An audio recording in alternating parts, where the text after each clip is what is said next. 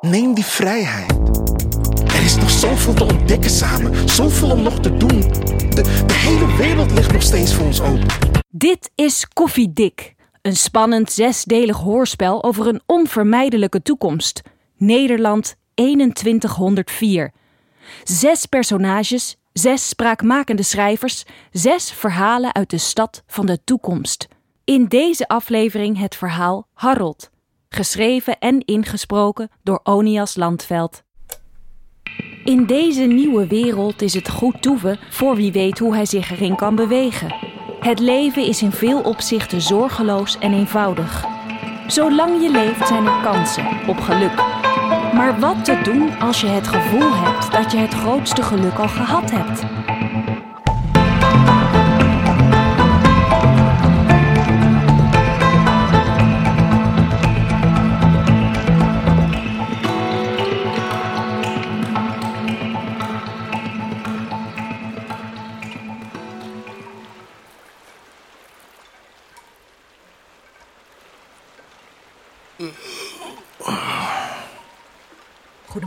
Harold.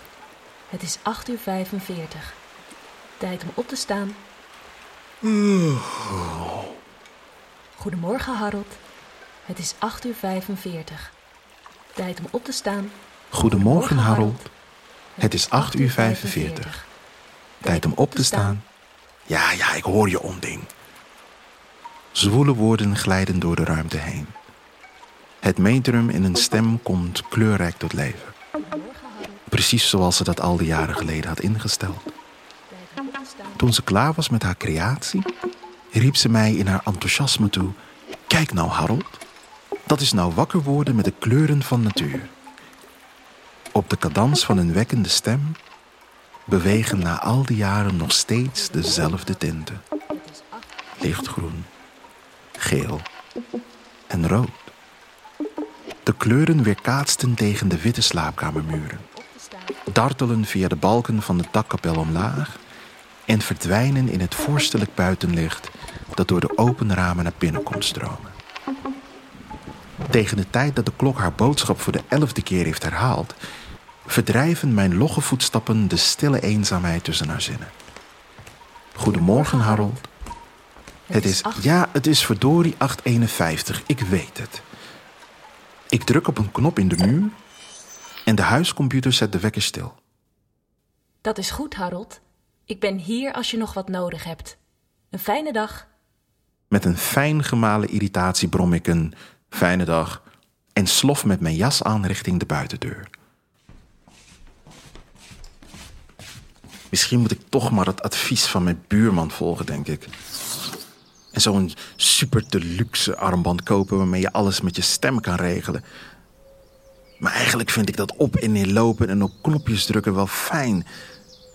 In gedachten verzonken trek ik de voordeur achter me dicht en begin te lopen.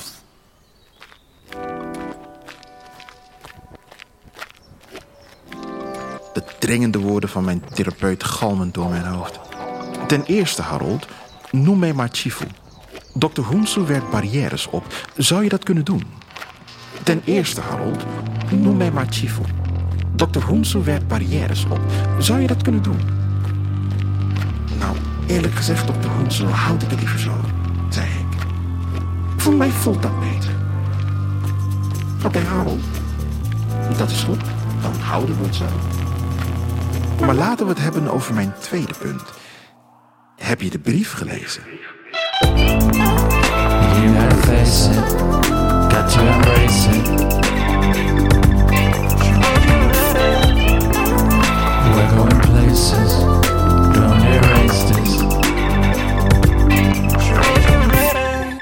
Nee, antwoord ik. Ik heb het gevoel dat als ik het lees, het een definitief afscheid is. Harold, zei dokter Hunsu, het is ook definitief. Alemi is al 15 jaar geleden overleden. Ze is niet overleden, ze pleegde euthanasie, wierp ik tegen. Oké, ze pleegde euthanasie. Maar haar leven was compleet, zei dokter Hunsu. Dat vindt u. Nee, Harold, dat vond zij. Het feit dat ze koos om haar leven te eindigen betekent niet dat ze niet van je hield. Ze was klaar. Ze had volbracht wat ze wilde volbrengen. Ze had jou, de liefde van haar leven, ontmoet. Ze had haar leven in dienst gesteld van anderen en zoveel geholpen. Jullie wilden beide de aarde voorop stellen en namen dus geen kinderen. Zij heeft hier uitvoerig met je over gesproken voordat ze deed. Haar leven was ten einde. Stel je voor dat ze bleef leven met, met rok of een onvervuld gevoel. Zo wil je toch geen relatie hebben? Nee, zei ik. Dat wil ik niet. Niemand niet. Maar wat moest ik nu verder doen met mijn leven? Alsof dokter Hoensu mijn gedachten kon lezen, zei hij: Ik wil dat je vanaf nu elke dag naar buiten gaat om te wandelen. Ik wil dat je mensen gaat ontmoeten. Uh, schrijf je in bij hobbyclubs. Ga lesgeven. Je was een fantastische kunstenaar. Misschien kan je daarmee weer beginnen. Ik zou dat graag willen, zei ik. Maar ik mis de inspiratie sinds Alemi weg is. Vind dan een nieuwe muze, antwoordde dokter Hoensu. Harold, je ziet het weggaan van Alemi als een verlies. Heb je gekeken naar een nieuwe relatie? Verken de andere kant van het spectrum. Onderzoek je seksualiteit en wie weet kom je geen nieuwe Alemi tegen, maar een Alex. Ik hoorde het zwijgend aan. Aan het einde van het gesprek beloofde ik dokter Hoense plechtig dat ik zeker één keer per dag een half uurtje ging lopen. Ik hield woord. In de dagen die daarop volgden liep of fietste ik de, vele paden af die de stad rijk was. Zo doorkruiste ik op mijn dode gemak de hele stad. En na een aantal weken trok ik op een ochtend de deur zwaarder beladen dan normaal achter mij dicht. Dit keer zou de reis langer duren. Ik ging naar Valencia.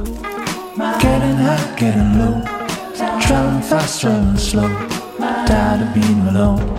Tired of feeling lonely. Get yourself a dream. The nightfall. Get yourself a life to leave on. Get yourself a dream.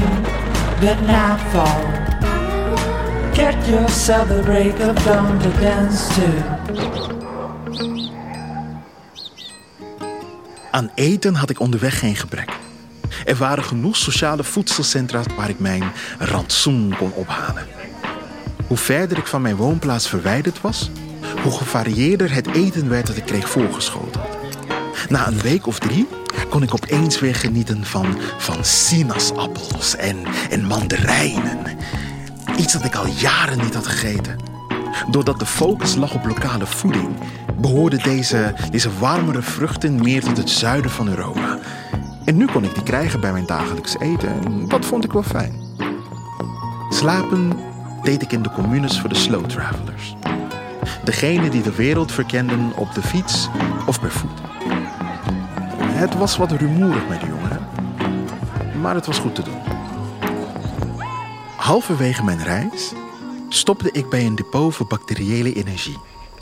En ik kocht een paar monsters. Ik had een idee gekregen dat ik wilde uitwerken. Voordat ik in Valencia aankwam. In mijn eerste levensfase was ik afgestudeerd bio-elektrisch ingenieur. Ik had nog geholpen met het bouwen van het elektrisch netwerk bij mij in de buurt. Zo had ik Alemi ontmoet. Er was een storing in haar pen. Biologisch elektrisch netwerk. En ik was degene die de storing moest verhelpen.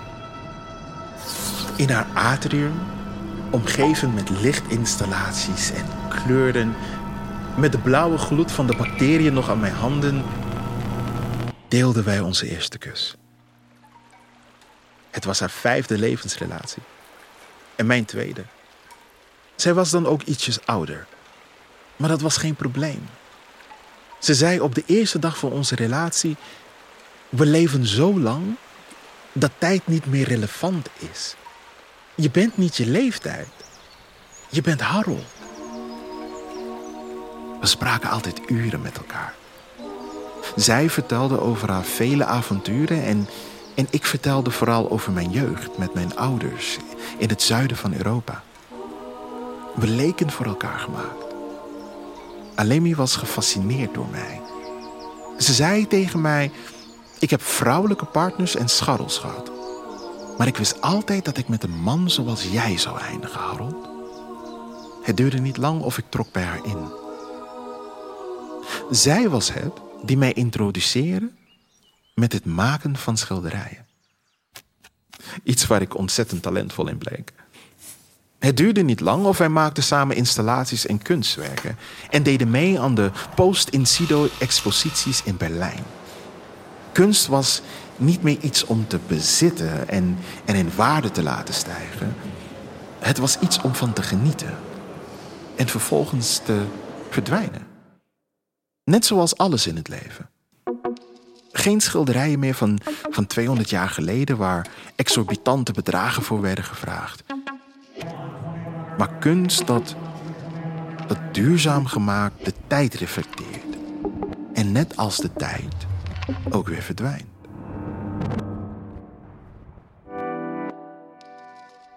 Een grote droom van Alemi was om daar haar kunst te laten zien.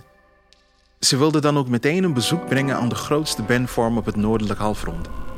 De plek waar de bacteriën voor de elektriciteit werden gekweekt en waar ze meteen het netwerk in werden gepompt. Alemi noemde het toepasselijk de bron van alle energie. Ze was vol van plannen en leven. Daarom kwam de dag dat ze aankondigde dat ze klaar was met deze dimensie als een donderslag bij heldere hemel. Wil je mij verlaten? stamelde ik. Met een vreemde rust legde ze uit dat ze eigenlijk alles had bereikt in het leven wat ze wilde. En ondanks dat ik zou achterblijven, wilde ze stoppen op een hoogtepunt. Je moet kiezen wat je wilt in dit leven. Anders kiest het leven voor je en ik wil die controle houden, zei ze. Hevige ruzies volgden. En ook vele gesprekken bij therapeuten. Tot mijn wanhoop mocht niets baten. Ik smeekte haar om van gedachten te veranderen. Tijdens een van onze vele gesprekken zei ik: Er is nog zoveel te ontdekken samen, zoveel om nog te doen. De, hele wereld ligt nog steeds voor ons open. En met een liefdevolle glimlach, zoals alleen zij dat kon, antwoordde ze: Ga die wereld dan ontdekken, Harold. Jouw leven moet niet afhangen van wat ik wel of niet ga doen. Jij bent vrij daarin. Neem die vrijheid. Er is nog zoveel te ontdekken samen, zoveel om nog te doen. De, de hele wereld ligt nog steeds voor ons open. Ik heb gehad wat ik nodig heb. Er is hier niets meer voor mij.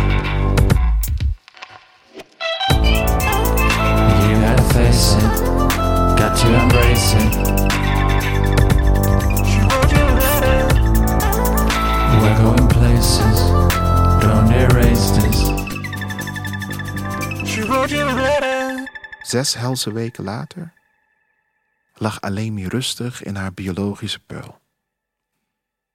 Klaar om één te worden met de natuur.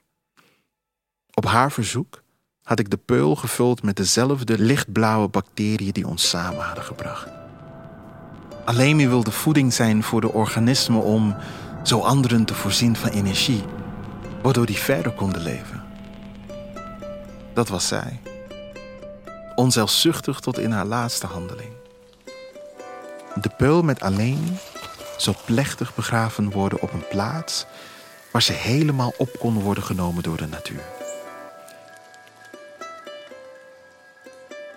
Vlak voor ze heen ging, had ze mij een brief geschreven. Heel ouderwets, met een vulpen, zei ze. Alemi stak het in een paarse, geparfumeerde envelop en deed die in een glazen kistje op de tafel in het atrium. In de jaren die volgden, blies ik zo nu en dan alleen het stof van het kistje af. Bang om het aan te raken. De brief heeft jarenlang in het kistje gelegen. Het was haar laatste woord naar mij. Zoals ik Dr. Hoemsu uitlegde, had ik het gevoel dat als ik het las, het definitief klaar zou zijn. En nu op een, op een vreemde manier was Alemi nog hier. Zelfs herinneringen van 15 jaar geleden kunnen nog pijn doen. Ik bleef stug aan mijn idee werken. De tranen die op mijn bouwtekeningen vielen, veegde ik weg. Bij elke hostel voor slow travelers waar ik kwam, trok ik mij terug en dook tussen mijn paparazzen. Na twee weken was ik klaar. Net op tijd. De volgende dag kwam ik in Valencia aan en zag ik in de verte het vakantiehuis van mijn familie. Ik had het huis gekregen nadat mijn ouders waren gestorven. En sinds het grote incident was er niet veel animo meer voor verre reizen. Vakanties waren nu dichter bij huis. Ik had toestemming gekregen zodat andere mensen erin konden wonen. Het enige wat ik vroeg was dat de spullen van mijn familie opgeslagen zouden blijven. Na een kort gesprek met de huidige bewoners toog ik het erf op en opende de gigantische schuur. Er lagen nog spullen uit de tijd van mijn grootouders. Een Miele wasmachine, zakloze stofzuigers, flatscreen tv's, quad-core computers. Ik zag nog de PlayStation en de Xbox waarop ik als kind had gespeeld. Maar ik kwam maar voor één ding. Iets wat ik bijna 90 jaar geleden voor het laatst had gezien. Mijn vaders auto. En verstopt onder een zeil vond ik het. Een auto uit 2020. Een luxe met zeven zitplaatsen. Een SUV noemden ze die toen. Ik weet nog hoe ik met grote ogen meereed in deze oldtimer met mijn vader. Een hybride auto van benzine en elektriciteit. Het geluid dat die auto maakte. En de snelheid. Hele dagen en nachten besteedde ik aan het ombouwen van mijn vaders auto. Ik beschilderde de auto met Picasso-achtige figuren en maakte de hybride motor verenigbaar met het Ben. Binnenin schilderde ik een meesterwerk. De ene kant van de auto bestond uit warme zomerkleuren en de andere kant was donker met sterren, zoals je die zag op sterrennacht. Nachten waar iedereen het licht uitdeed zodat je sterren kon zien. Het dak was waar de schemering dag en nacht verbond. Tot slot haalde ik de achterste banken uit de auto en veranderde die tot comfortabele stoelen voor in de serre van het vakantiehuis. En op een warme zaterdagochtend startte ik de auto. Voorzichtig reed ik uit de schuur en ging het landweggetje op. De motor maakte niet meer dat helskabaal dat het vroeger deed, maar dat mocht de pret niet drukken.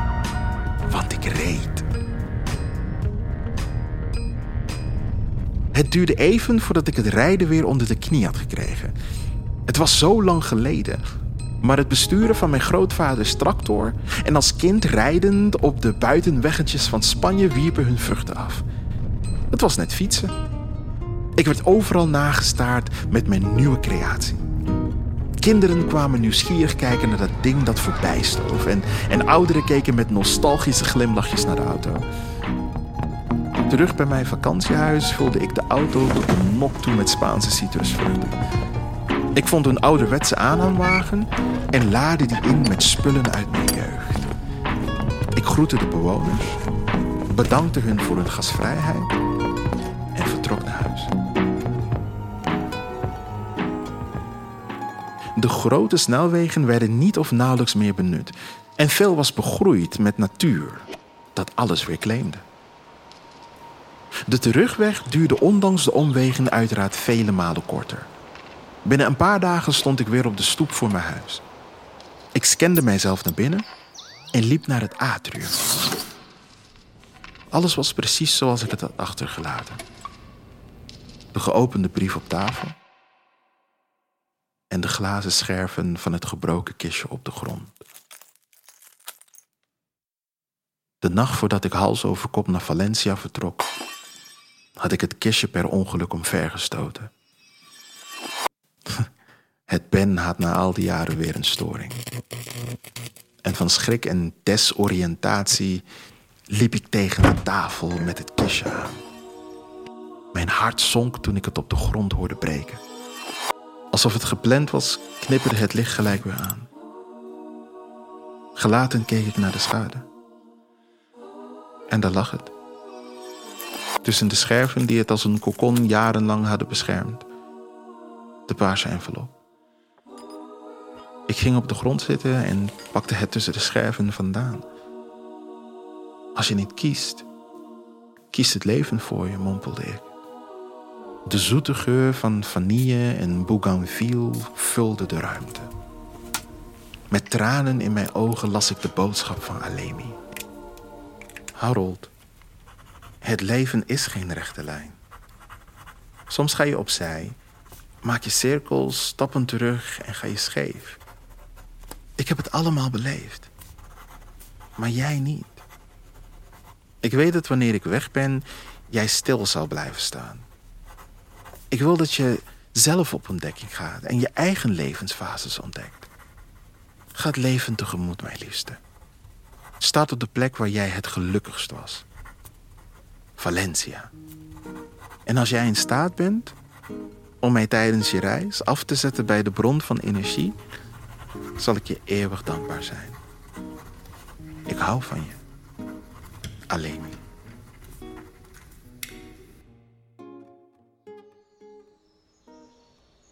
Drie maanden later werd er thuis op mijn deur geklopt. Het was dokter Honsu.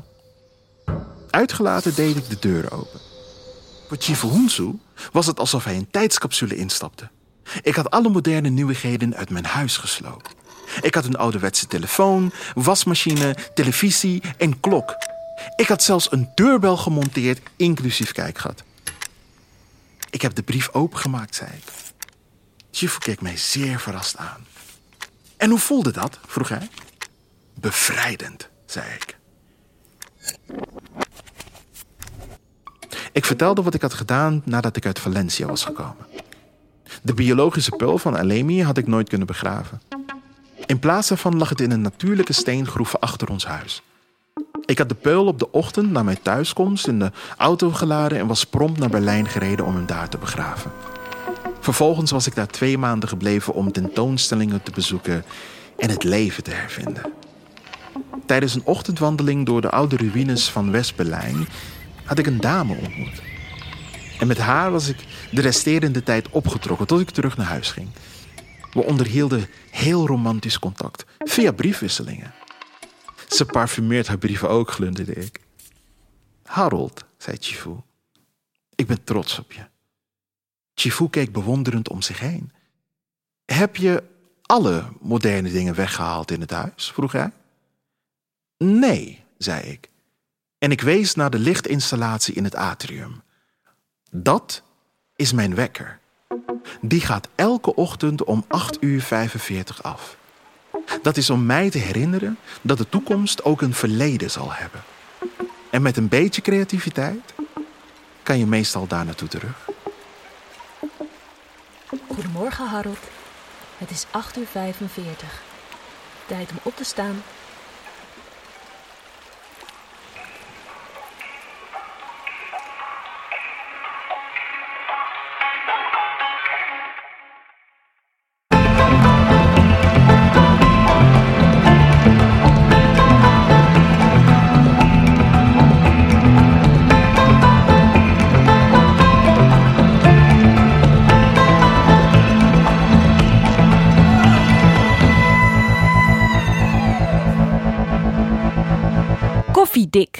Concept van Sun City, powered by Unusual.